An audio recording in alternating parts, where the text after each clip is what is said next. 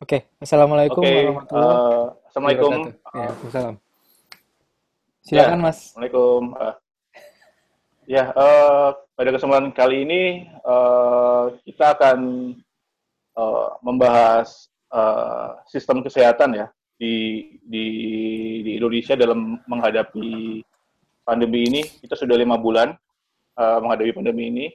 Eh, yang disayangkan ternyata eh, sebulan dua bulan ini mulai muncul berita bahwa tenaga kerja ini buat orang awam ya, buat orang awam ternyata jadi terbuka nih, ternyata eh, ada namanya tenaga kerja PPDS nih di di, di setiap rumah sakit. Dan itu eh, isunya mulai dibahas sangat oleh beberapa media besar eh, karena karena em, tanda kutip PPDS ini mulai mulai menyerah nih. Nah, kenapa bisa menyerah? Kenapa dokter yang biasa kok nggak menyerah? Nah, ini ak- ak- akan kita bahas sih eh, dalam episode ke-19 ya, Kamil. ya? Yes, 19. Ya, ya, 19. Nah, kali ini berdua lagi. Minggu lalu saya nggak bisa nggak bisa hadir karena keperluan keluarga. Kali ini Mutiara tidak bisa hadir. Mohon maaf karena beliau Ada lagi sakit. keperluan juga. Iya, lagi sakit. Ya, sakit ya. Enggak. Agak agak urgent lah. Nah, eh, nah di kesempatan kali ini saya ber- bertindak sebagai host. Eh, eh, ang- anggap aja narasumbernya eh, Mas Muhammad Kamil ini ya. Apa pun itu Kamil juga ternyata dia juga statusnya masih PPDS bener Kamil. betul. Aku eh, saya lagi Betul betul ya ya ya. masih PPDS di UNER statusnya walaupun lagi cuti untuk studi di Oh, oh, jadi PPDS itu bisa cuti. Oke oke. Nah ah, biar biar diskusinya runut dan enak buat eh, teman-teman yang yang masyarakat awam nih. Eh, kalau kalau orang medical pasti udah udah tahu seluk beluk indah suka duka citanya jadi PPDS lah. Nah, eh, yang pertanyaan paling mendasar eh, apa itu PPDS? Kenapa PPDS bisa ada nyasar jalur kalirnya? Kenapa bisa ada di rumah sakit di ICU gitu loh? Apakah memang harus seperti itu? Pertanyaan awal, Mil. Oke, eh, ini oke pertanyaannya eh, soal PPDS itu apa ya? Jadi eh, kalau dok dokter itu kalau dilihat dari sisi pendidikan itu kita runut aja ya Mas ya. Jadi eh, untuk seorang jadi Iya, iya. eh, profesi dokter sampai profesi yang mentok. Nah, dokter yang mentok itu kan eh, di sisi profesional di klinis itu adalah dokter spesialis yang eh, konsultan Hmm. Nah, konsultan itu maksudnya yang Hmm. sangat spesifik ngurusin sesuatu gitu. Konsulen atau konsul Itu konsulen atau konsultan? Konsulen ya? konsultan. Agak agak rancu? Agak rancu tapi kayaknya sama deh Konsultan ya? eh, Oke, eh, oke. eh, konsultan. Jadi Sama ya. spesialis apa terus dalam kurung K gitu kan. Dokter, nana nana, SP, Oh, misalnya SP. Iya, iya, iya. eh, misalnya SP IPD gitu kan, spesialis penyakit dalam, Hmm. eh, reumatologi gitu, konsultan gitu. Reumatologinya tuh subspesialis. Hmm. Eh, terus dokternya sendiri itu eh, pendidikannya untuk sampai menjadi dokter itu kan eh, kuliah dulu S1 sarjana kedokteran SKED itu empat tahun biasanya 3 sampai 4 tahun itu eh, di ruang kuliah itu udah dapet degree yang dasar Eh, apa namanya S1 ya S1 terus habis itu Degree dasarnya S1 ya. Ya, itu belum jadi dokter. Ah. Itu esket aja. Habis itu ada pendidikan klinis. Itu eh, kalau kita sering dengar koas-koasan itu, dokter muda, macam-macam itu. Hmm. Eh, Jadi koas itu beda sama PPDS ya? beda, beda banget. Beda banget. Eh, jadi koas Hmm. itu adalah pre eh, titel dokter. Jadi kalau koas eh, selama sat, eh, biasanya satu setengah sampai dua tahun kalau sekarang. Biasanya dua tahun lah rata-rata. Eh, itu kayak keliling gitu, keliling ngikut eh, buntuti lah istilahnya buntuti eh, semua semua Hmm. bagian gitu loh semua bagian selama kurun waktu Hmm. tertentu ada yang empat minggu ada yang satu bulan ada yang dua bulan gitu Eh, itu Hmm. tergantung di ini masing-masing tapi rata-rata semua eh, fakultas kedokteran punya program itu Sa- fakultas kedokteran yang di Indonesia ada ada berapa ya 95 kalau nggak salah 2019 di Oh, Indonesia ya. Nah, Iya, iya. lumayan banyak kalau nggak salah ya aku apa namanya nanti kita ini lagi dicek lagi jadi di Indonesia itu udah banyak terus eh, Habis itu setiap fakultas kedokteran punya eh, punya rumah sakit pendidikan sendiri eh, atau punya rumah sakit yang relasi sama mereka, janjian lah istilahnya. Jadi koasnya di situ. Hmm. Nah, eh, baik swasta atau negeri itu eh, punya sistem seperti itu Agree. hingga nantinya jadi dokter. Titel dokter itu ada uji Hmm. kompetensinya. Jadi bukan eh, uji nasionalnya gitu. Jadi istilahnya distandarisasi pakai uji kompetensi. Ini ada ini ya, at glance saja ya. Jadi Hmm. eh, kalau mau jadi dokter, kuliah dulu 4 tahun, terus 2 tahun koas, terus abis itu internship sekarang ada kayak kayak benar-benar ujian Magang. eh, magang, magang. Itu selama setahun kalau Oh. nggak salah. Selama setahun di rumah sakit eh, daerah itu disebar, dan ada sistemnya Hmm. juga. Abis itu baru sumpah dokter. Kalau nggak salah seperti itu, Hmm. ya. Iya, Eh, iya, iya. kadang-kadang eh, berganti sih, soalnya dulu zaman saya, eh, saya lulus 2010 itu nggak ada ini, nggak ada internship. Nah, sekarang eh, mulai habis itu Oh. baru ada.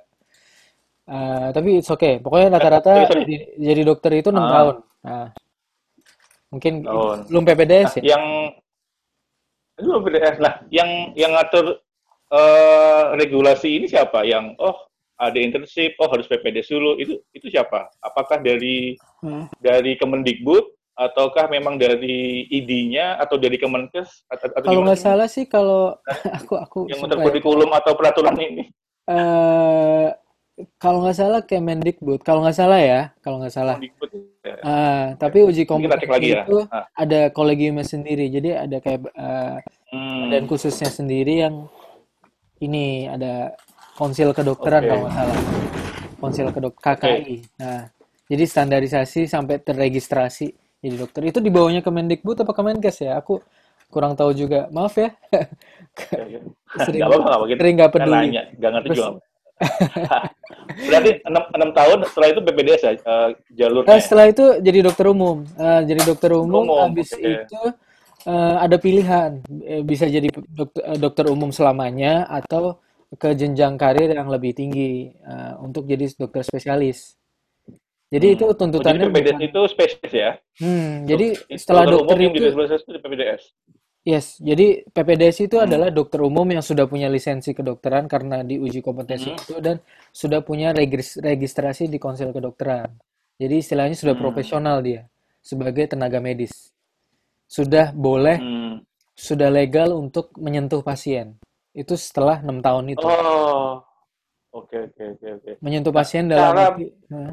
ca- cara tanda kutip melamar jadi PPDS biar make it happen gimana? Apakah Jadi habis kita itu ngelamar kerja biasa Habis atau itu tuh eh, ada jenjang berikutnya untuk jadi eh, dokter spesialis itu daftar PPDS, program pendidikan dokter spesialis PPDS. Hmm. Ya, itu kalau eh, standar ini tuh dipakai di seluruh dunia sih. Jadi seluruh dunia ini Hmm. 200-an negara itu punya sistem yang mirip kayak gini. Walaupun nama-namanya Hmm. beda. Ada yang namanya intern, PPDS itu ada yang namanya intern atau residensi, Residen, ah, oh, kayak gitu. residen Jadi jadi PPDS itu kadang disebut residen gitu. Residennya Hmm. gitu. Kalau koas kan ada yang dokter muda, ada yang koas, koasisten atau Oke dokter oke muda. oke. Jadi levelnya kayak gitu. Lah PPDS ini di dunia itu eh, apa namanya beda sama di Indonesianya itu soal eh, ker- ininya kerjanya, kapasitas kerjanya di sisi macam. Nanti kita bahas ya. Hmm. Nanti kita bahas eh, spesifik di situ. Tapi istilahnya kalau mau spesialis itu harus daftar sekolah lagi, istilahnya gitu. Program pendidikan. Namanya makanya Hmm. program pendidikan Oh, oh sorry sorry. Jadi PPDS itu sebenarnya bukan bekerja tapi be- belajar ya. Belajar, belajar. Kayak guru PPDS eh, program kayak pendidikan ya. Program pendidikan di Indonesia ya. Kita ngomongin Indonesia dulu ya. Jadi sekolah lagi Oh, istilahnya. oke. Sekolah lagi untuk eh, biar Hmm. dapat lisensi sebagai dokter spesialis. Itu lamanya 4 sampai Tapi sekolahnya sekolahnya praktek ya. Itu kan ya enggak. Oh iya iya, Mostly kayak praktek kayak kan berarti. mostly praktek. Terjun Kayak sorry, ter- terjun kan? terjun, Ya. terjun. Oh, oke. Menangani pasien secara langsung dan Hmm. ada tanggung jawabnya. Beda sama koas. Koas itu walaupun nyentuh eh, training juga, nyentuh-nyentuh pasien juga, tapi bener-bener eh, observasi. Jadi dokternya, ngelihat dokternya, ngikut dokternya, mungkin perbantuan aja. Koas tuh Hmm. kayak gitu, kok asisten kan. Tapi kalau. PPDS itu sampai dia training gitu. Sampai dia benar-benar Hmm. ngelakuin sendiri sampai eh, berapa, makanya butuh berapa tahun kan? Berapa tahun itu sampai kalau lulus dia punya lisen, eh, dapat lisensi jadi dokter spesialis. Kalau dokter bedah ya bisa membedah sendiri, dokter penyakit dalam ya bisa eh, mengobati sendiri gitu, mengobati istilahnya Oke, pasien-pasien oke. tanpa ada eh, supervisi lagi. Itu dokter spesialis kan? Hmm. Dan spesialistik, jadi Oke, oke. spesifik ke eh, satu dua ini, satu dua bidang lah istilah kayak gitu. Hmm. Hmm. Kira-kira Nah, jelas nggak? eh, jelas, jelas, jelas. Semoga para penyimak pada penikmat yang awam bisa memahami ya. Nanti misalkan nggak ngerti bisa tanya di kolom komen kok. Asal nggak terlalu konspirasi. Eh, ini langsung masuk ke permasalahan inti nih yang yang saya penasaran eh, sejak sebulan dua bulan ini mulai hangat isu PPDS ini. Kenapa terinfeksinya se- seorang PPDS atau meninggalnya seorang PPDS karena COVID itu menjadi menjadi value-nya sangat berharga dan mengapa mengapa apa namanya eh, media mengangkat hal ini Mil? Sebenarnya sebenarnya eh, yang Jadi- saya tangkap itu ini ini jujur ya, yang kalau Hmm. saya nggak jelasin ini, saya nanggapnya PPDS itu malah orang yang kerja di rumah sakit gitu loh. Ternyata PPDS ini Pelajar. pendidikan kan, Hmm. belajar gitu loh. Nah, Hmm. sebenarnya eh, payung hukumnya juga apa, terus eh, kenapa menjadi value-nya menjadi sangat berharga nih si anak-anak PPDS ini? Yes, jadi kamu karena eh, murni belajar di Indonesia itu sistemnya ini PPDS adalah murni belajar. Indikasinya kenapa bisa dibilang gitu karena kita ini bayar sekolah gitu. Nggak nggak Oh eh, ini bayar? bayar. Jadi Bayarnya ke sorry sorry sorry. Bayarnya kayak bayar SPP ke Iya, bayar ke UKT. uni atau at- UKT, atau ke ada? UKT-nya. UKT itu kepanjangan apa sih? Yang per semester itu? Itu tuh kita ada Eh, iya, biaya iya SPP, lah ya. SPP. Nah, jadi uang masuk ada, Hmm. sistem fee-nya ada, terus ada per eh, enam bulannya itu ada duitnya juga kita harus bayar. Tapi eh, ini cukup problematis karena belajar kita itu belajarnya kayak orang magang sih, relatif eh, kayak orang magang, beneran Hmm. beneran di lapangan gitu kayak eh, dan jamnya jam kerjanya itu jam belajarnya. Lah itu rancu banget belajar sama kerja ini. Jam kerjanya itu eh, tidak ada payung hukumnya. Dan relasi kuasanya pun Hmm. sangat eh, sangat ambigus sih. Jadi nggak ada aturan yang Hmm. aturan yang fix di Indonesia yang bisa melindungi dan eh, di sini ada problematisnya lagi. Di Indonesia itu PPDS eh, apa namanya bekerja tanpa jaminan apa-apa gitu maksudnya padahal berisiko Hmm. Nah, aku bilang gini, eh, general ya, mungkin ada beberapa center yang eh, bikin jaminan sendiri atau gimana, mungkin ada juga. Gambarannya gini deh, di Indonesia ini dari 90 berapa FK itu cuma 17 yang punya PPDS, 17 center. Hmm. 17 center pendidikan dan Itu PPDS-nya artinya adalah apa? Apa apa Mil? Kalau kalau Allah hanya 17 berarti cuma artinya 17. itu Berarti eh, artinya nggak nggak semua nggak semua dokter itu menuju ke PPDS. Jadi ini adalah oh, klaster kecil oke. lah, kelompok kecil dari PPDS itu adalah popu- populasi dok eh, orang medis yang mungkin nggak banyak gitu. Misalnya kalau dihitung-hitung Hmm. Eh, dari 2019 kan di Badan Pusat Statistik itu eh, tenaga kesehatan di Indonesia dokter itu ada 130 ribu. Di konsil kedokteran juga angkanya Hmm. segitu, 130 berapa ribu. Hmm. Eh, PPDS-nya itu kayak 10%. Eh, ke PPDS. Hmm. Spesialisnya itu ya. kayak 10%, sorry. Spesialisnya. 10%. Ya, 10%. Berarti Nah, PPDS lebih kecil ya? PPDS-nya tuh mungkin eh, sama dengan spesialis lah, mungkin ya. Aku nggak, Hmm. eh, aku belum ngulik berapa PPDS seluruh Indonesia. Ada angkanya segitu, tapi nggak eh, dikit juga gitu.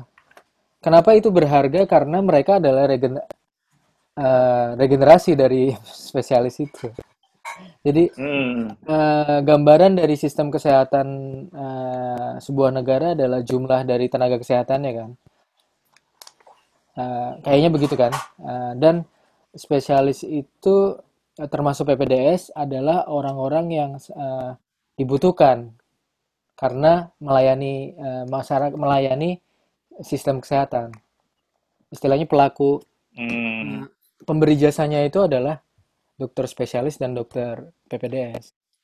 Jadi Nah, kalau logikanya ah, harusnya PPDS itu adalah tenaga kerja dong, karena karena kita terlibat banget gitu, terlibat banget. Kenapa saya bisa bilang begitu? Karena eh, di luar negeri eh, itu dari dari riset yang saya bikin saya lihat sendiri dan semua orang bisa ngecek sendiri itu adalah eh, di semua negara itu PPDS dianggap eh, sebagai tenaga kerja karena udah punya lisensi dokter hmm.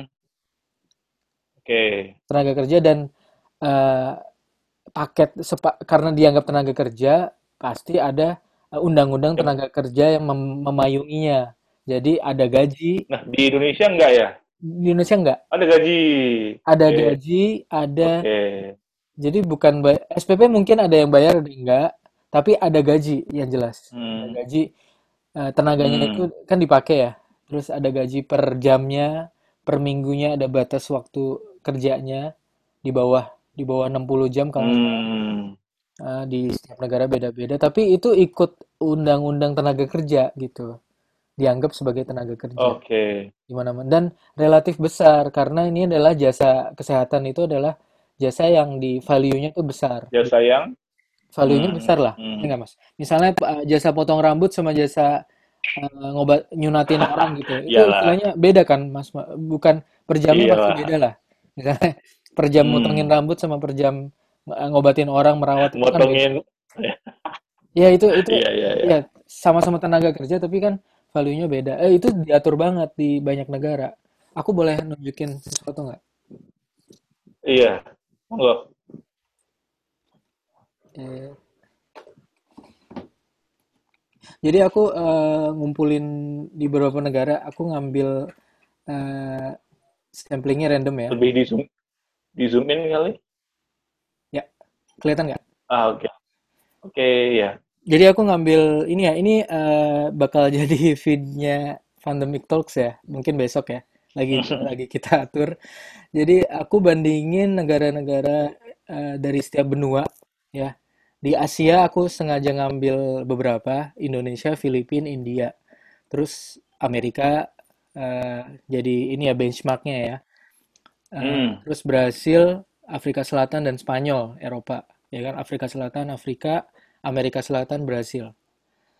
Ini Hmm. perbandingan gajinya per year, per tahun. Jadi Hmm. eh, di US itu eh, 60 ribu dolar. Ini ini ya dalam do- US dollar ya.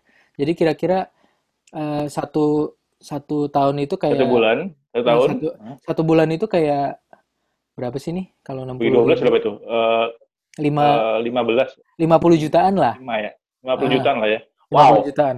banyak Ah. banget, Mil. Di Indonesia banyak banget. Iya, itu value-nya 50 jutaan Indonesia. Terus Hmm. kalau di Filipina itu sebulan Hmm. kira-kira eh, kemarin aku udah hitung kayak Filipina India tuh mirip-mirip kayak 5 sampai 6 juta gitu. Indonesia ini Hmm. ya. Jadi apa upah upah minimum ini nyampe lah. Upah upah standarnya sebagai tenaga kerja tuh nyampe Filipina, Hmm. India. Untuk ini untuk residen ya, untuk PPDS, Hmm. selevel PPDS. Brasil, Af- South Africa relatif lumayan, separohnya. Jadi kayak 20 sampai 30 juta. Spanyol juga segitu gitu. Eh, tapi ini kalau ini kan istilahnya cuma satu ini ya, satu satu variabel ya gaji ini.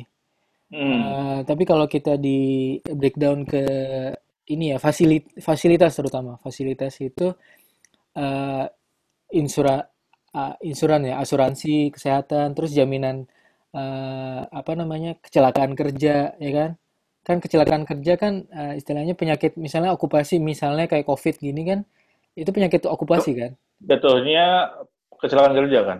Iya iya karena setiap Iya, hari iya. kan ya itu itu bisa di didiskusikan lagi. Terus eh, tapi semua uh, di dunia itu emang udah kayak gini gitu. Uh, bahkan saya Hmm. ini sendiri observasi sendiri di US ini kondisi kayak di Indonesia yang PPDS itu kayak sko- full murni sekolah ini tahun 60-an. Itu artinya Kita terlambat. terlambat 50, iya 60 tahun, 70 tahun gitu. Waduh, oke oke. Ya, ya begitulah. Jadi dibanding Amerika Hmm. ya, terus dibanding negara lain yang bahkan negara Filipina yang uh, punya GD, ini aku eh, health expenditure-nya aku aku Per lihat ternyata dibanding emang GDP ya. ya Hmm. dibanding GDP ini emang Indonesia rendah ya relatif nggak sampai 3%. Uh, bahkan di negara-negara yang berkembang itu kayak India sama Filipina itu Filipina pun kita pun kalah ya. kalah kalahnya signifikan. Misalnya India 3,5% Iya, dari GDP ininya itu gede ya GDP-nya.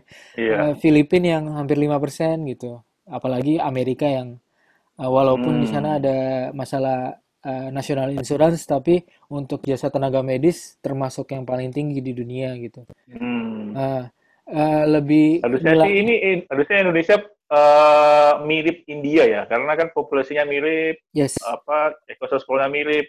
Tapi ini India ini expenditure eh, GDP-nya berapa kali lipatnya nih? Uh, Delapan dua kali, berapa hampir dua ya. lipatnya? Hampir dua ya. Tapi Eh, ya eh, dua kali ya ini ya, ya, tapi ini dua kayak kali ya. eh, harus didalemin lagi sih soalnya GDP-nya berapa kita nggak tahu per kapita juga ini dan Ya ya secara ya. makro analisisnya harus dalam. Tapi intinya Indonesia ini secara Hmm. proporsi, secara proporsi itu eh, nggak wajar karena negara eh, harusnya lebih gede gitu, harusnya bisa lebih baik. Hmm. Hmm. Terus kalau Iya. di dokter per population juga Indonesia ternyata terendah gitu.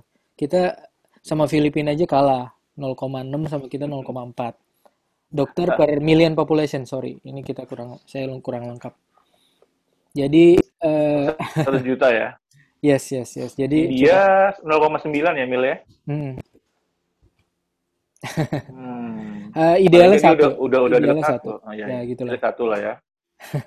South Africa, eh, Indi, ya udah mendekati satu semua. Filipina yang mirip-mirip re- rasnya juga, GDP-nya mirip, kondisi ekosistemnya Hmm. mirip, juga lebih tinggi. Terus residensi salary-nya kita nggak ada, kita malah bayar kan. Jadi minus. Ya. Terus fasili- fasilitasnya juga nggak ada. Jadi eh, yang bikin, menurut saya itu yang bikin eh, isu ini naik karena adalah karena adalah eh, membuka ini tabir ini sebenarnya membuat tabir ya. Eh, bobrok sistem ininya ya. Sistem Sistem kesehatan. apa namanya Jadi kalau di medical? Sistem kesehatan yang di rumah sakit ya. sistem perekrutan tenaga medis itu cacat di Indonesia. Aku bisa bilang Hmm. karena eh, mulai dari perekrutannya PPDS sampai eh, sampai lulus sampai ini kurang bisa di apa namanya kurang ideal ya. Kenapa bisa bilang Hmm. begitu? Karena beberapa rumah sakit pendidikan itu memakai tenaga jelas-jelas memakai tenaga PPDS sebagai tulang punggungnya. Misalnya di rumah sakit Hmm. rumah sakit eh, yang ada PPDS-nya banyak kayak di Surabaya, kayak di UI. Iya. Saya nyebut Yang di, ya, maaf ya. Di yang di Sutomo. Surabaya malah udah u- udah tanda kutip statementnya tanda kutip sudah menyerah ya. Kayak malah buka lowongan buat relawan ngebantu di Yes, yes. rumah sakit ya. Ya. Itu itu parah sih. Ya. Ya, yang terhormat Um, eh, ini ya apa kalau dengar ya Rumah Sakit Sutomo, saya juga PPDS. Bukan saya mencela atau apa ya, tapi ini emang kenyataannya adalah kalau PPDS berhenti semua itu rumah sakit nggak jalan kan gitu kan? Eh, itu oh, mungkin oh itu yang sorry. Nah perlu bentar, dievaluasi. bentar. Eh, memangnya sekrusial itukah apa namanya eh, PPDS ini dalam saya analoginya rangkaian sebuah mesin mobil gitu loh, Hmm. Mil. Harusnya harusnya Misalkan kalau misalnya di eh, dilakukan sebagai eh, tenaga apa namanya eh, siswa mahasiswa dianggap hmm, sebagai mahasiswa harusnya rumah sakit bisa berjalan tanpa PPDS dong. Itu udah bisa berjalan di banyak rumah hmm. sakit sebenarnya yang emang nggak pakai Oh, PPDS. Oke oke. Ya misalnya Berarti rumah sakit PPDS ini jaringan. Mm. in a, in a way dia eh Jadi bukan semua rumah ya? sakit ya Mas Firsa. Tadi kan Mas eh, sempat oke. bilang setiap rumah sakit ada PPDS-nya enggak, enggak sama sekali. Cuma Enggak, beberapa rumah cuma sakit. 17 ya. Itu 17 senternya rumah sakit ya. 17, terus rumah sakit jaringannya yang dari Oh, oke, 17 oke, itu oke. juga ada, tapi setahu saya emang Hmm, udah ditarik semua ke rumah sakit inilah istilahnya, oh, fokus untuk hmm. eh, sekarang kan kondisinya beda wabah gitu. Aku Terus, boleh, aku, saya kan orang orang, orang awam nih, Mil. Eh, hmm, boleh nggak bertanya dengan statement kayak gini, dengan pernyataan yang seperti ini? Apa berarti in a way PPDS ini eh, membantu porsi banyak tugas dokter spesialis yang ada di sana, yes, gitu. nyatanya seperti itu. Eh, bisa berarti kan nggak bisa ini jadi terbalik. tanda kutip ya asisten ke, atau kepanjangan tangannya dari dokter Yes. spesialis yang udah tetap di sana kan? Eh, secara praktis kayak gitu. Dan Secara praktis ya. Walaupun secara eh, oke, judul judulnya di aturannya di rumah sakit protapnya itu pasti eh, DP ada DPJP ya, gitu. sistem eh, penanggung jawab, dokter penanggung jawab, Hmm, DPJP. Nah, dokter penanggung juga penanggung jawab pasien. hmm, Jadi eh, misalnya ada di Bangsal ada 50 pasien, ada DPJP-nya, itu pasti spesialis bukan PPDS. Tapi yang yang hmm. datang ke situ merawat eh, pasiennya, melakukan operasi kadang-kadang itu eh, sebagian itu PPDS, sebagian besar malah. Oke. Seba- Oke, PPDS aku ngelakuin tapi nih. tapi itu Berarti langsung dilaporkan ke PPDS ini, DPJP. Heeh. DPJP itu ke penanggung jawabnya jadi hmm, langsung dilaporkan. Lah, masalahnya eh, itu kan but ini ya, make tenaga, make waktu, make ilmu kan. Ya nggak sih? Make ilmu juga. Jadi itu kan adalah iya, pelayanan ada pelayanan. ada risiko itu nggak sih, Mil? Ada Iya, di hmm. ada risiko ngambil decision juga nggak sih? Iya, iya, Yang iya. yang ngambil decision siapa? Kalau pas itu Sebenarnya yang ngambil decision si DPJP. PPDS-nya atau DPJP tapi atas eh, oh, eksamin atas semua objektivitas PPDS biasanya. Biasanya lapor dulu gitu. hmm, Misalnya ada tapi yang pasien ABC oke, itu yang kita eksekusi laporkan. siapa? Yang eksekusi si PPDS ya? Terserah DPJP-nya. Tapi Yang untuk eksekusi strata untuk strata? PPDS itu ada tingkatannya. Nah, Yang pertama mungkin tahun pertama kedua cuma cuma latihan lapor aja oh, oke oke oke. Mudah nggak sih? Kalau eksekusi Hmm, pun pasti di sebelahnya DPJP. Hmm, Pasti di sebelahnya oke. atau dalam observasi eh, jauh, misalnya tele teleobservasi juga bisa. Misalnya Oke oke oke. eh, bukan apa namanya DPJP-nya bukan di sebelahnya langsung enggak di bed.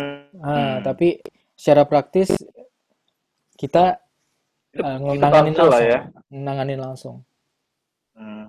Oke, Tapi sekarang secara ngomongin ini de nih. ya de jure Hah? enggak ya? De jure itu ada ada Jujur. DPJP itu ya. De, de facto-nya Oke adalah oke oke. kita kayak gitu. Ya gitu lah. Nah, makanya tulang punggungnya Hah? rumah sakit eh, pen- yang ada PPDS-nya banyak itu Hmm. misalnya eh, Rumah Sakit Sutomo, Rumah Sakit eh, Sutomo Surabaya, Rumah Sakit Karyadi, Rumah Sakit Cip apa Karyadi itu Semarang RSCM ya? ya. Nah, Karyadi Semarang, Ya. RSCM, Hmm. RSHR, Sarjito, terus Muwardi Solo. Itu eh, sebagian roda ini ya rumah sakitnya di itu Roda super sistemnya, sistemnya adalah roda dilakukan adalah dilakukan oleh PPDS. Kalau PPDS yang nggak ada semua, i- itu pasti susah jalannya. Nggak nggak nggak bisa kapasitas rumah sakitnya nggak bisa nggak bisa jalan sepenuhnya. kalau analogi mobil PPDS itu mesinnya rodanya atau apanya, Mil? Lebih ke Kalau roda sih. Kalau lebih ke roda. Jadi core-nya roda itu mungkin DPJP-nya ya, bisa ban. jalan ya? Bannya itu, nah, jadi kalau Oh bannya iya kempes, iya. bannya ini bisa jalan tetap kan, kalau bannya kempes. Tapi kan jalannya nggak bisa kan, nggak bisa Hmm, hancur nanti. Kalau kasarannya gitu ya, maaf ya ini aku mungkin rada rawan ngomong gini, tapi ya kenapa saya eh, rada tertekan dan kenapa PPDS nggak bisa ngomong seenaknya, nggak bisa demo, nggak bisa apa-apa. Dan kemarin Unsrat ah ya itu kenapa? Itu kenapa? Manado Manado juga Hmm. ngomong apa ngomongnya sangat pelan-pelan dan sangat hati-hati dan itu pun jadi kontroversi kan di sananya karena menurut kami kita adalah tenaga yang nggak ada nggak ringkih gitu loh sangat eh, sangat sangat lemah di sisi hukum jadi kalau kita melakukan kita Hmm. melawan arus atau kita speak up speak up kayak gini itu ada ada risiko ada risiko untuk eh, mungkin eh, Tidak lulus. berpengaruh ke pendidikannya entah terlambat lulus entah dikeluarin entah di Hmm. apa-apain saya nggak tahu juga gitu saya pun berisiko saya pun Hmm. karena belum lulus dan ada deg-degan juga ngomong gini Iya iya iya ya iya. Gitu. Oke oke. Kalau ngom ngomongin ini uh, jam kerja, uh, hmm. secara de facto-nya itu apa? Ya kalau ini yang dibayangkan orang awam kan, oh lagi lagi belajar ya oke okay lah kerja lah. Hmm. Uh, belajar sambil kerja kan ya oke okay lah. Gak nggak dibayar ya udahlah. Mungkin di Indonesia sistemnya belum baik buat orang awam tuh mikirnya masih uh, kerjanya masih uh, eh, 8 jam atau shifting gitu. Nah, Gap. nyatanya gimana Lebih, lebih. Nyatanya. Lebih dari ini. Nyatanya kita lebih, ya? uh, sebagian oh. besar dari PPDS itu punya tanggung jawab mengelola pasien juga, membantu DPJP itu, tapi istilahnya lebih hmm. strict. Jadi kita uh, berangkat lebih pagi, pulang lebih sore gitu daripada dan standby di situ di rumah sakitnya. Hmm. Dan mengelola pasien, jadi jam kerjanya nggak ada uang lembur juga pasti ya? Nggak ada, nggak ada, nggak ada uang lembur. Kita, kita ngeluarin uang makan? Nggak ada. Uang makan nggak ada? Nggak ada sama sekali. Jadi kalau nggak ada sama sekali sumpah nggak ada. Uh, ada beberapa rumah oh. sakit yang rada-rada kasihan sih sama kita. Jadi di hmm. disisihkan gitu uang untuk uh, istilahnya uang uang makan juga ada gitu. Pasti ada. Cuma nggak bu nggak dikelola sama sistem jadi banyak banget yang nggak ada juga gitu. Menurutku kalau 100 hmm. 100 PPDS kerja itu yang paling dapat itu paling nggak ada 10-20 persen gitu. Dapatnya pun sangat dikit lah. Misalnya kerja di rumah okay, sakit, okay. Uh, eh, misalnya ya di stase luar gitu, stase luar tuh istilahnya di daerah gitu, dapatnya paling hmm. berapa sih gitu? Di bawah UMR juga. Di, dan itu PPDS seneng hmm, banget, okay, okay. oh dapat segini, dapat segini gitu. Padahal itu nggak pantas menurut saya. Oke okay, oke. Okay. Nah, untuk um, jam kerja ya, jam, ya jam kerja ya, yang panjang. Padahal di UU tenaga uh, kita di UU tenaga kerja pun sebenarnya ada aturan ya. Iya yes, yes, ada, uh, itu jam, dia. Ada, kita... ada 8 jam, terus ada UMR gitu loh. Berarti yeah, ini, yeah, yeah. sorry ya, hmm. ini, ini saya bukan orang medikal, jadi saya mungkin lebih leluasa ngomong kayak gini, kayak, kayak media nih. Kalau hmm. saya nilai sih, uh, apa namanya, jenjang pendidikannya yang ditempuh PPDS ini ya dengan segala hormat tinggi daripada buruh ya. Yes. Nah, UU tenaga kerja kan itu buat melindungi buruh. Hmm. Ngerti kan? Ini ada BPPDS, UU tenaga kerja itu kayak uh, uh, baseline untuk yes. melindungi buruh kan. Buruh itu kerjanya diatur tuh 8 jam, yes. ada UMR, mungkin ada lembur, ada THR. Nah, nah uh, ironisnya si PPDS ini ternyata uh, de, de facto-nya dia malah ada di bawah UU tenaga kerja nih. Hmm. Soalnya ini nggak merendahkan pekerjaan buruh, berarti lebih rendah daripada buruh. Iya. Yeah. Uh, buruh masih ada UMR. Misalkan di Jakarta UMR-nya tiga setengah juta, tiga juta ya banyak kan gitu loh. Nah ini plus di atas 8 jam mil ya. Di atas 8 jam dan eh, timeline-nya dong. Yeah, yeah. Kita minimal 3-4 tahun. Maks kayak 3-4 tahun sampai 5-6 tahun. Itu tergantung spesialisasinya. Wow. Itu nggak ada libur. Sabtu minggu kerja nggak? Satu minggu kerja nggak sih? Pasti, pasti ya, masih ya, masih ngelola pasien. Kan oh, pasien. Ya. Satu minggu belajar dan bekerja nggak sih? Iya, iya. Uh, jadi pasien itu kan nggak ada libur ya. Istilahnya sakit tuh kan masa okay. sakit kan Sabtu hmm. Minggu nggak sakit gitu nggak kan. Perawatan kan continuous. Itu saya jamin Sabtu Minggu itu walaupun uh, bukan di jam kerja, PPDS pasti datang ke rumah sakit untuk ngeliatin pasiennya. PPDS yang hmm. sebagian besar PPDS kan ikut merawat pasien. Hmm. Dokter spesialis juga gitu kan. Sabtu Minggu mereka nggak libur karena visit hmm. pasien macam-macam. Kita sama persis kan kita ngikut mereka. Jadi oke okay, oke. Okay. Uh, eh, dan itu berlangsung selama uh, rata-rata lima tahun lah gitu kan, 4 sampai lima tahun, ya kan, range-nya tergantung spesialisasi dan usia produktif dengan lisensi dokter nggak dibayar. Hmm. Jadi uh, permasalahannya adalah dan tenaganya dipakai kan. Permasalahannya adalah uh, di individunya kan. Kalau nggak uh, dari perekrutannya orang yang nggak punya modal nggak mungkin masuk PPDS dua perjalanan kenapa Mil? sorry kenapa nggak punya modal nggak punya gak, karena bisa? masuk karena? uh, masuk PPDS itu kan bayar sekolahnya uang bangunan uang macam-macam ada yang ngitungin hmm. di banyak di forum bisa search sendiri. Uh, ya iya berapa? 500 jutaan untuk Wah, sekolah lima tahun itu. Itu untuk sendiri ya, belum sama keluarga. Hmm. Sama keluarga mungkin satu miliar gitu. Jadi harus punya tabungan segitu. Hmm. Ah, oke. Okay. Jadi eh, di situ ba- bakal banyak konflik sih menurutku. Istilahnya secara Hmm, mental health mungkin orangnya ya PPDS PPDS ini punya punya masalah secara finansial pasti punya masalah karena eh, usia PPDS itu rata-rata 30 tahunan gitu kan. Lulus dokter kan 24 ya. sementara Udah uh, sementara kita nggak dibayar selama selama lima hmm, tahun. Tapi kerja tiap sampai hari. 35 ya, Ya, jadi sampai bukan 35 lah ya. pengangguran, bukan pengangguran tapi ya usia produktif. Bener nggak sih? Iya, iya, iya. Iya, iya, iya. Jadi Iya. kayak diperas gitu. Sementara Nah, iya, sementara mungkin eh, eh, mohon maaf mungkin lulusan D3 atau S1 lainnya yang sudah kerja di usia segitu, dengan hmm, dari segitu ya mungkin sudah bisa kredit motor. macam-macam lah ya, beli Iya. macam-macam lah ya. Beli motor lah ya.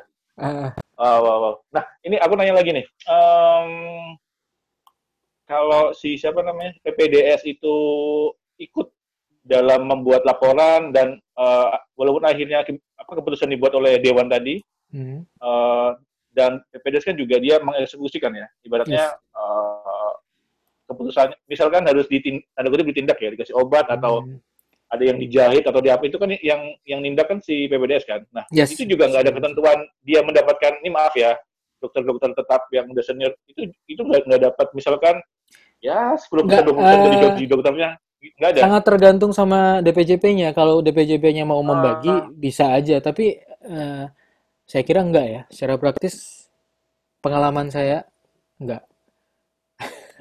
Nggak dapat. Jadi hmm oke value-nya yang dapat itu loh, kamu loh tak kasih kesempatan, kamu loh eh, apa oh belajar gitu kan. Jadi itu nggak di eh, itu harganya itu di situ, hmm harganya itu eh, didoktrin lah istilahnya, didoktrin ke kita bahwa kita ma- ngabisin waktu, ngabisin toksiknya tenaga. situ ya. Eh, menurut saya toksik sih, karena ah karena ini value-nya nggak ada gitu. Dan eh, menurut saya tuh masalahnya adalah bukan soal sistemnya aja yang nggak ada, tapi hal ini budaya tuh sudah dimemaklu, dimaklumi, dinormalisasi istilahnya. Men- Menurut saya masalahnya di oh situ karena kesepakatan bahwa ini masalah itu nggak ada. Jadi kalau misalnya ada PPDS yang ngomong gini aja, yang protes itu PPDS lain gitu, bukan bukan sistem atau saya ngomong gini karena aja, PPDS yang lain iya PPDS yang lain protes karena kenapa anda berbicara vokal seperti itu It akan merusak tatanan ini ya Mungkin, tatanan mungkin nggak sistem tahu juga. ya Jadi, ya itu bisa salah satunya, salah duanya. Mungkin emang eh, value atas pendidikan hmm atas eh, ini kan beda-beda. Orang ada yang mau hmm membuang waktunya, bukan membuang ya, pakai waktunya full di rumah sakit eh, dengan istilahnya keluarga, punya keluarga, anak istri dirawat sama eh, keluarga yang lain ya. Misalnya mertua funding tiap bulan segini buat biaya hidup segala macam. Itu iya ya dimaklumi semua karena saya adalah oh, seorang PPDS gitu. Itu hmm sewajarnya gini. Padahal kalau kita lihat buka mata di luar luar, ke mata iya kayak gini. Kayak ya gitu ya kayak gitu, bilang kayak tadi ya gitu. Ah, karena oke kita oke secara secara sangat exactly kita punya lisensi dokter. Kita kita hmm terregistrasi. Kita izin hmm prakteknya ada gitu sebagai PPDS walaupun sebagai PPDS. Tapi kenapa kita diperas, kita disuruh bayar UKT. Makanya ada konflik kan. Ini eh, ada wabah datang, semua kayaknya tabirnya kebuka satu-satu. Saya bilang gini, eh, yang mikir gini bukan saya aja. Kemarin ada ID dari banyak cabang, terutama di luar Jawa yang eh, menuntut ke Kemendikbud atau ke regulator lain untuk minimal digaji atau dikasih jaminan sebagai sebagai kerja oh gitu. iya iya saya sempat lihat itu apa Hmm. eh poster-poster ID Iya, daerah iya, ya iya. Di daerah seperti itu. Terus eh, banyak orang yang mulai speak up, terutama yang sudah lulus ya. Dari PPDS sendiri speak up, saya rasa pada nggak berani karena kita, saya tadi bilang ya, kita lemah banget, ringkih banget. iya Kita posisinya ngomong, lemah iya, kita lemah, mungkin ngomong ke ngomong intern aja udah ditekan gitu. Tekannya itu hmm. bukan karena ini ya jahat ya, bukan karena rumah sakitnya jahat atau senior jahat, bukan, tapi karena emang udah berbudaya kayak gitu. Di Indonesia tuh kayak udah kayak gini. Pokoknya gimana caranya jalan gitu. Iya. Nggak bisa berubah gitu. Nah aneh oke kan? oke oke. Hmm. Oke, sekarang pertanyaannya yang yang lebih relevan ke kondisi yes. pandemi ini. Hmm. Nah, PPDS misalkan lagi di situasi ICU atau rumah sakit ramai seperti ini, yang beli perlengkapan APD siapa, Mil? Rumah sakit ini Apakah itu menyediakan, apakah menyediakan, tapi sakit pra- ya? secara praktis sebagai kita sangat tahu kalau di lapangan itu PPDS banyak usaha sendiri untuk Hmm, untuk detailnya ya. Jadi jatahnya tuh kurang cukup. Kurang terutama cukup. di saat Oh, awal-awal dulu, di saat APD langka ya. oh makanya banyak donasi ya. Makanya banyak Banyak donasi donasi. donasi itu ya. Kita Itu kita sebenarnya buat. PPDS sebenarnya ya. Sebenarnya itu eh, sebagian besar buat PPDS, sebagian besar. Hmm, Nggak, aku bisa bilang gini karena eh, mungkin sulit sulit dibuktikan ya, karena mungkin kan APD sekali pakai dibuang, masa kita nyari-nyari bukti kan enggak. Tapi ini bisa dikonfirmasi ke semua PPDS deh di iya di iya iya. iya. wawancara ya. Mungkin aku aku sendiri kan di Jepang jadi nggak terlalu ngerasain di lapangan, tapi teman-teman nyata-nyatanya sangat bekerja keras untuk bahkan untuk eh, perlindungan diri. Dan karena regulasinya kurang ini ya, kurang kurang fix, jadinya sangat lemah. Jadi kita mau protes pun susah, mau berhenti pun nggak Hmm, bisa karena ada tekanan juga. Tekanan dalam arti tekanannya bukan dari orang seniornya nekan-nekan gitu nggak, tapi tekanan bahwa dari dalamnya takut gitu, takut. kalau aku berhenti mungkin hmm, lulusku lebih lama. Aku lima eh, tabunganku pasti udah habis gitu-gitu kan. Mudah kan? Ada tekanan-tekanan sistem gitu. hmm. Ah, terus eh, Jadi mau nggak mau ya ikut, ikut arus yang terjadi aja ya.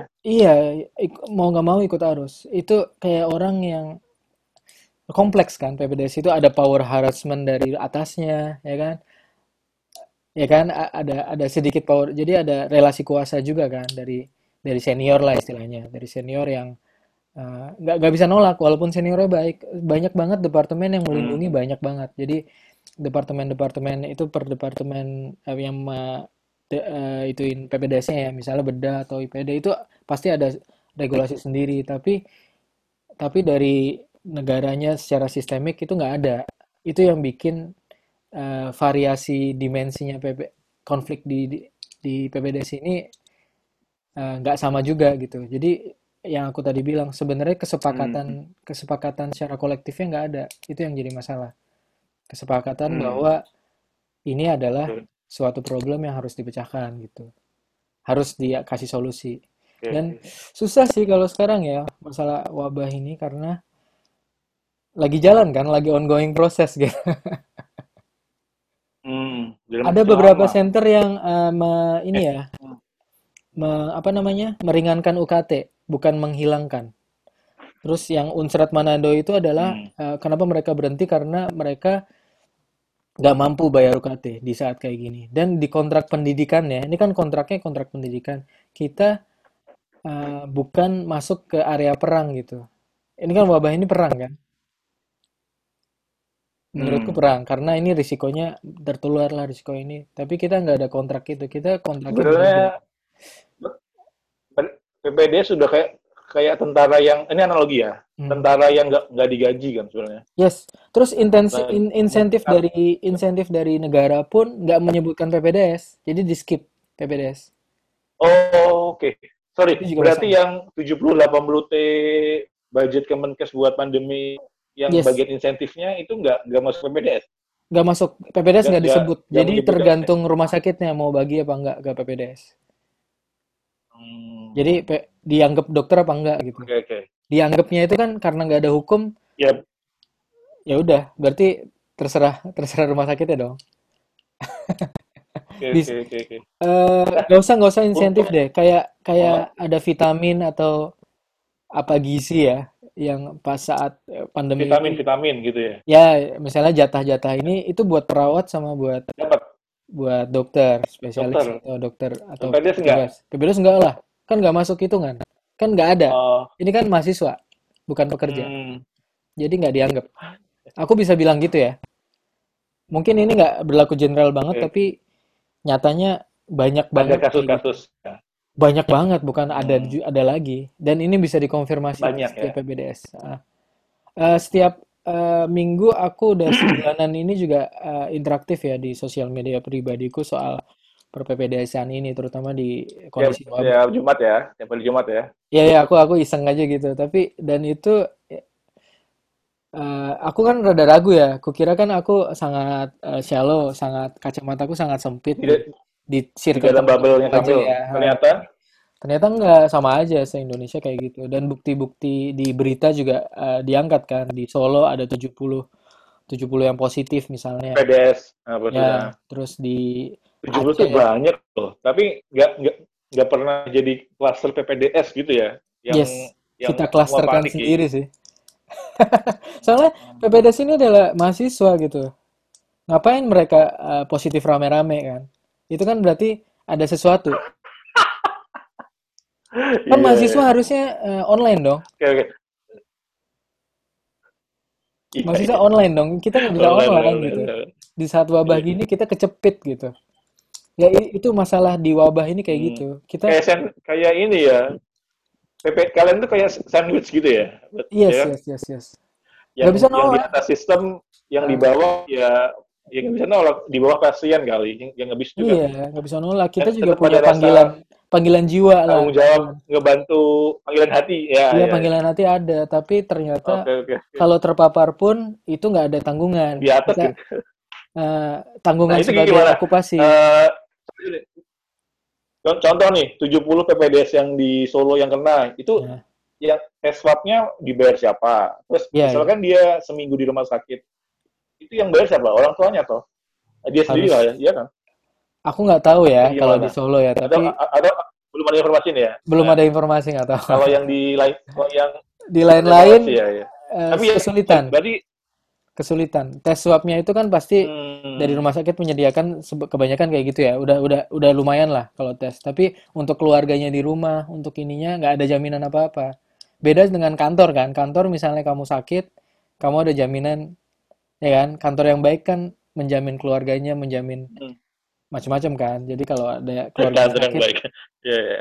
ya eh, di situ nggak ada. Kita nggak ada jaminan Hmm, apa-apa. Jadi tergantung lobby dari individu, dari departemennya, dari ininya. Jadi melewati banyak hal dulu baru yes gitu. Itu kacau kan menurut hmm. menurutku sih Bu- itu masalah. regulator yang melindungi mereka ya, ya, ya. Nggak ada, ringkih banget, Hmm, PPDS ringkih. oke. Itu itu masalahnya. Bukan aku nggak nyalahin senior atau apa nggak. Mereka pun sangat berjasa ngajarin kita. Sangat sangat berjasa. Rumah sakit Stomo pun bagus banget, istilahnya masih mau nerima PPDS. Eh, kita kan belajar dari situ juga, bukan jahat. Hmm, Tapi ini masalahnya adalah sistemnya kan, sistemnya ngebikin PPDS ini sistem. kejepit gitu. Sistemnya ngebikin eh, apa namanya Dewan Rumah Sakit, rumah sakit yang melibatkan PPDS ini nggak bisa nggak bisa punya pilihan juga gitu. Kalau meliburkan semua PPDS, Hmm, mereka nggak bisa jalan gitu. Itu yang salah menurutku bukan bukan jahat-jahatan direkturnya atau bukan jahat-jahatan senior-seniornya bukan, tapi ini sistem yang bikin kita kepaksa kayak gini gitu. Ini jadi logikanya ya bener eh, antara Kemenkes sama Kemendikbud sih logikanya ya Hmm. eh, ya sama orang-orang DPR MPR lah Eh, harusnya di UU Tenaga Kerja harusnya ada pasal yang Kalau subpasal atau pasal yang kalau isu yang muncul ini adalah masalahnya itu adalah university base sama hospital base. Jadi eh, Hmm, PPDS ini di luar negeri itu adalah hospital base. Jadi yang gaji rumah sakitnya. Terus nanti kalau hmm, jadi spesialis nanti yang ngatur eh, macam-macam rumah sakitnya gitu. Ngatur eh, mungkin ada hmm. kompleksnya ini. Eh, di Indonesia university base. Jadi full universitas. Jadinya pendidikan. Jadinya kita bayar. Nah, kan ada gap tuh. Hmm. Ada gapnya gede banget tuh. Ini universitas tapi iya kerja di rumah sakit gitu. Ya, Rumah sakitnya belum tentu bukan rumah hmm. sakitnya universitasnya kan. Jadi relasi pekerjaannya itu kurang kurang kuat. Jadi Hmm. jadi PPDS ya tentu saja tidak masuk dalam daftar untuk digaji kan. Digaji sebagai manusia ya. Kalau untuk di dikasih duit-duit dikit sih ada, duit makan atau jatah makan sekali sehari a- kadang-kadang ada. Misalnya habis operasi gitu makan gitu ada. Cuma bukan Hmm. sebagai ini jasa. Ya, ini eh, menurutku habis ini bakal eh, berubah sih menurutku ya ke depan karena wabah ini ngebuka tabir kecacatan ini dan ada korbannya. Di Surabaya ada PPDS meninggal karena COVID 2 yang masuk ICU ada puluhan. Hmm. Eh, tapi alhamdulillah eh, membaik gitu. dan nunggu giliran sih yang tempat lain kemungkinan pasti ada. Soalnya Unhas sendiri ada ratusan PPDS di berita ya. Ada Hmm, puluhan sampai berita ya ya. diduga kalau dari survei ada ratusan. Terus di tempat lain banyak banget deh bener deh Muwardi kemarin Banyak beritanya banget ya. 70 ya kan Unsia Solo Andalas eh, Saiful. Anwar Malang Oke. Unut Sat- Bali Satu rumah itu sakit itu banyak gitu biasanya rata-rata berapa seribuan sih, Mil? Kan tadi kan ada seribuan ya. Ah, Berarti positif rate-nya buat itu ya 10 persenan ya? ya Ya, banyak Ah. iya. Dan itu dan cenderung membesar kan. Makanya ketika Mil bilang iyalah. apa, yang lain kalau wabahnya belum selesai nggak mungkin. Nah, nunggu giliran ya. eh, pasti dapat giliran. Ini ini risiko dari tenaga kesehatan bahwa tertular.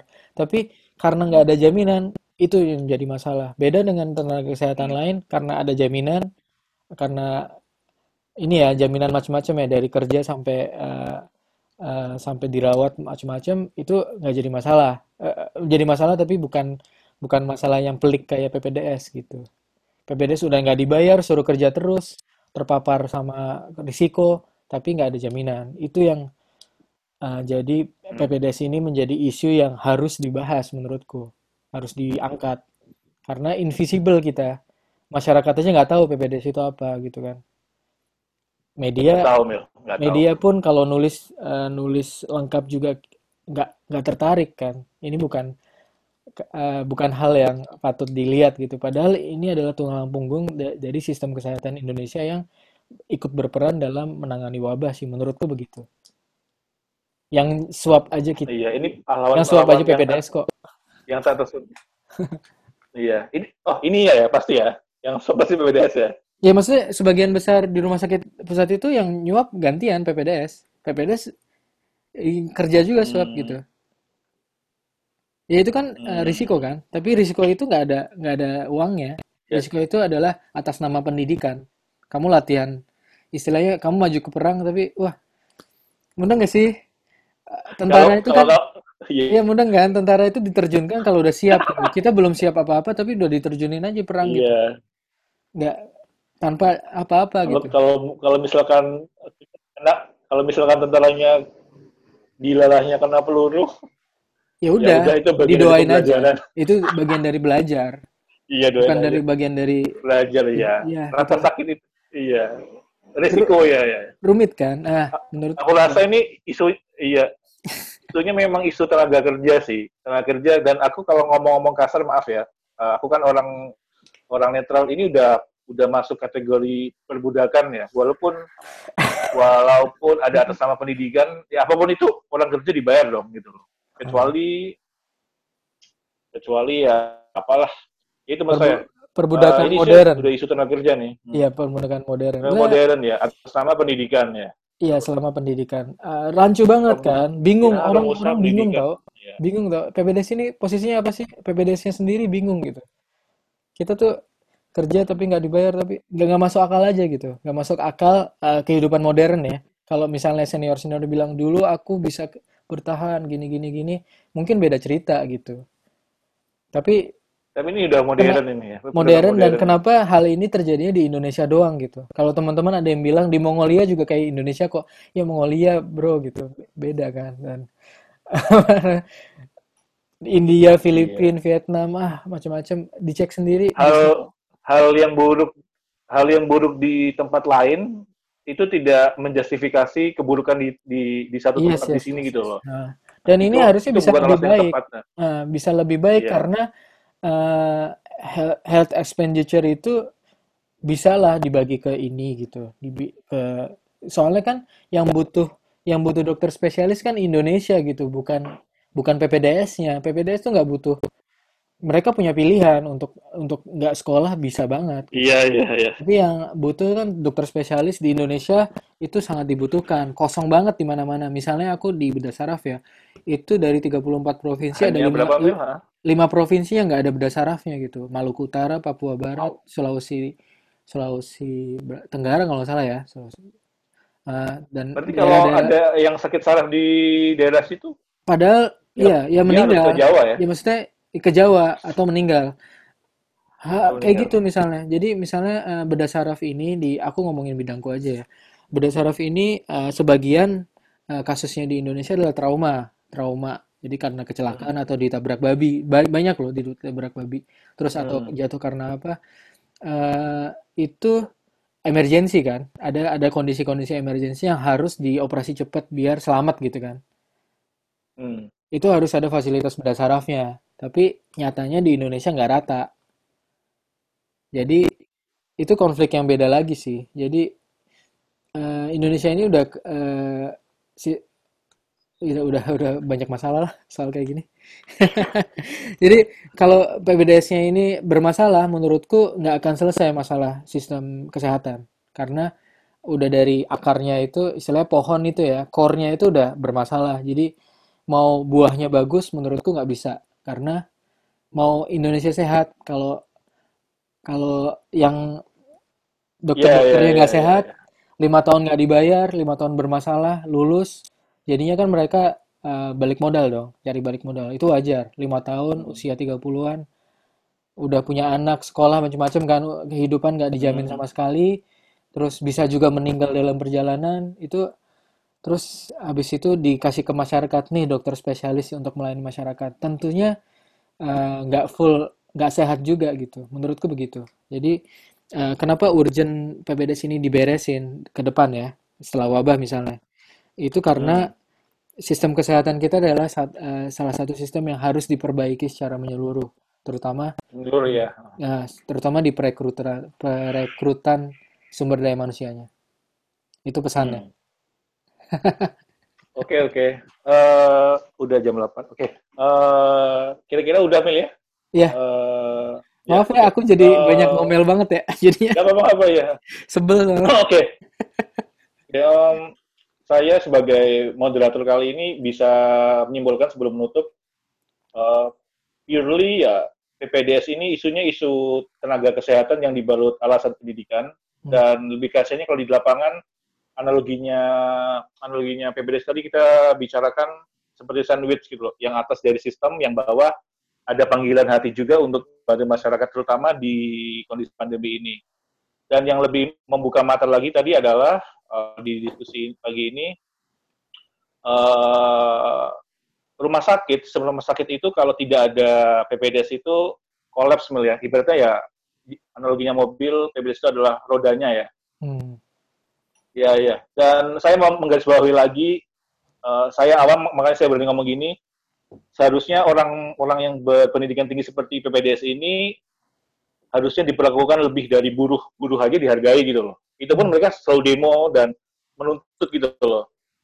Mereka dapat UMR itu sudah dihargai. Nah, ini PPDS yang sekolahnya lebih susah, umur 30 tahun belum belum dapat penghasilan tetap, itu diperlakukan di bawah UU tenaga gitu loh. Ibarat kami bilang tadi, PPDS itu apa? Invisible. Itu sakit sih. Eh, saya bisa merasakan ininya.